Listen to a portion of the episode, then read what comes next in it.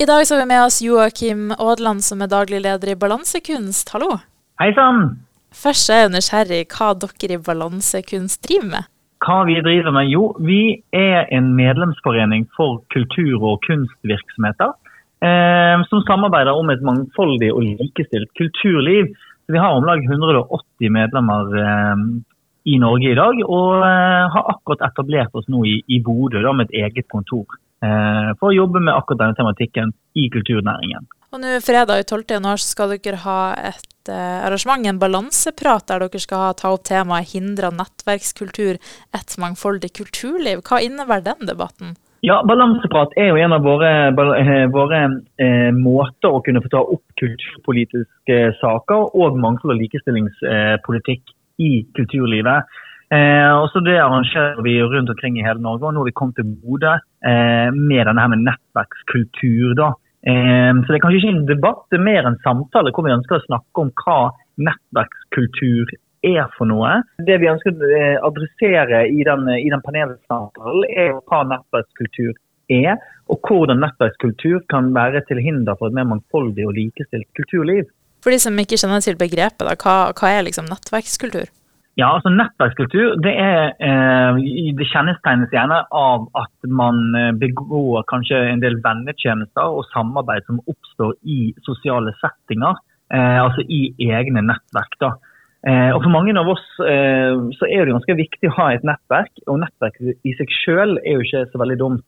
Men det er noe som preger mye av kulturlivet, og det er nettopp det at man bruker gjerne utelukkende eller veldig ofte egne nettverk når det kommer til eh, booking, når det kommer til ansettelser og når det kommer til rekruttering. Eh, og Det mener vi kan bli utfordrende. Eh, og Det er nettopp det som er, da en nettverkskultur, eller ukultur, om du vil. Mm. Tenker dere at de som ikke har opparbeida seg et slags nettverk, lett kan havne litt utafor kulturlivet? Ja, blant annet. Eh, så, så, det kan jo føre til at det er spørsmål man stiller seg da, hvem, Hva med de som står utenfor disse nettverkene, og hvem er de nettverkene? Eh, eller hvem er de som står utenfor? Vi mennesker er jo også ganske glad i å omgås med mennesker som er lik oss sjøl. Eh, som deler våre perspektiver, som har vår bakgrunn, lik bakgrunn som oss, som har interesser som oss. Eh, det som vi gjerne kaller biaser eller preferanser. Og når vi foretrekker å være med mennesker som er lik oss sjøl, så gjenspeiles også det i nettverkene våre. Eh, så Når man bruker nettverket sitt for å gi oppdrag og jobber, så reproduserer man gjerne egne meninger eller like meninger, og det samme gjelder kunsten. Så da er spørsmålet går vi glipp av en del kunst fordi at man egentlig bare reproduserer mye de samme meningene og samme kunsten som man sjøl har. Har du noen tanke om hvilke andre alternativer man kan benytte seg av dersom man ikke skal være helt avhengig av nettverksbygging, da? Ja, Det er jo noe av det vi skal diskutere oppe i, uh, i denne panelsamtalen på Stormen på fredag. Eh, men vi i Balansekunst har jo noen tiltak som vi, vi mener at veldig mange virksomheter burde, eh, burde, ta med i sitt eget arbeid for å unngå nettverkskultur. Bl.a. at man kanskje eh, er flere i en ansettelses- eller bookingprosess enn kun f.eks. den bookingansvarlig eller daglig leder men at man kan lene seg på flere ulike mennesker i en slik prosess. Så får man også ulike perspektiver og synspunkter på den eventuelle artisten man skal booke, eller den eh, kandidaten som skal få jobben. Eh, så da kan man kanskje bytte litt ut av det egne nettverket som man, som man eh, lener seg ofte på. da. Opplever du at det å jobbe med kultur i Norge er litt sånn uforutsigbart? Ja, Kulturlivet er en ganske uforutsigbar bransje. Så det er mye positivt å si om hvordan man jobber i kulturlivet. Eh, og det er mye positivt i de nettverkene som er, som støtter hverandre og lærer hverandre og gir kunnskap.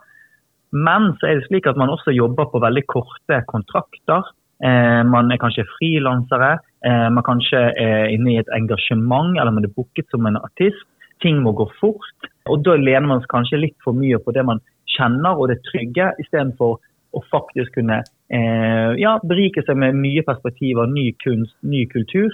Eh, og det tror jeg hindrer at vi som, som publikummere vi går glipp av en del eh, kunst og kultur hvis man hadde hatt litt mer organisert arbeidsliv i kulturlivet. Opplever du at det legger litt press på folk, at det ofte er korte frister, at man kanskje da går til, går til dem man kjenner fra før av? Ja, hvis du eh, har akkurat fått penger til en stilling til en festival du skal ha som begynner om et halvt år, så har du kanskje ikke tid til å ha en kjempelang utlysning og skal ha en lang og god prosess Så da ansetter man kanskje en som man har brukt tidligere, eller en venn, eller noen man kjenner. Så dette handler jo også om at kulturlivet trenger en del eh, forutsigbarhet i arbeidet sitt.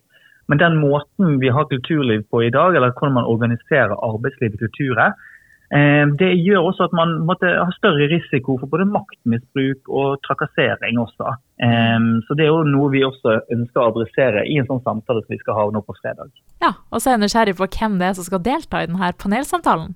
Ja, det er jo en god sammensetning av personer som kommer fra kulturlivet i Bodø Som eh, har kanskje kommet eh, litt eh, utenfra og inn. Og En av de er jo en av våre representanter fra Balansekunst, som kanskje skal ha litt mer faglige stemmen. Men det blir da Gro Berggrav, som tidligere direktør for Nordland musikkfestuke, men er nå kantor og dirigent.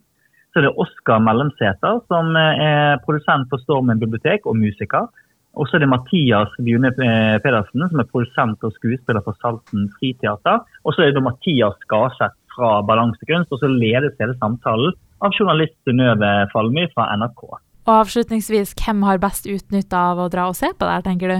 Jeg håper jo eh, at alle tenker at de har noe utbytte av nettverkskultur, og hvordan man skal unngå det, og hvordan man skal jobbe en måte som inkluderer et større gruppe mennesker. Men uh, kulturarbeidere, musikere, artister, Eh, ansatte i kultur eh, håper jeg kommer og, og eh, tar del i dette. Og spesielt nå når Bodø skal være kulturhovedstaden. Det er et veldig godt poeng. Tusen takk for at du ville stille til en prat, Joakim. Og så får dere masse tvi-tvi i veien videre. Jo, takk for det.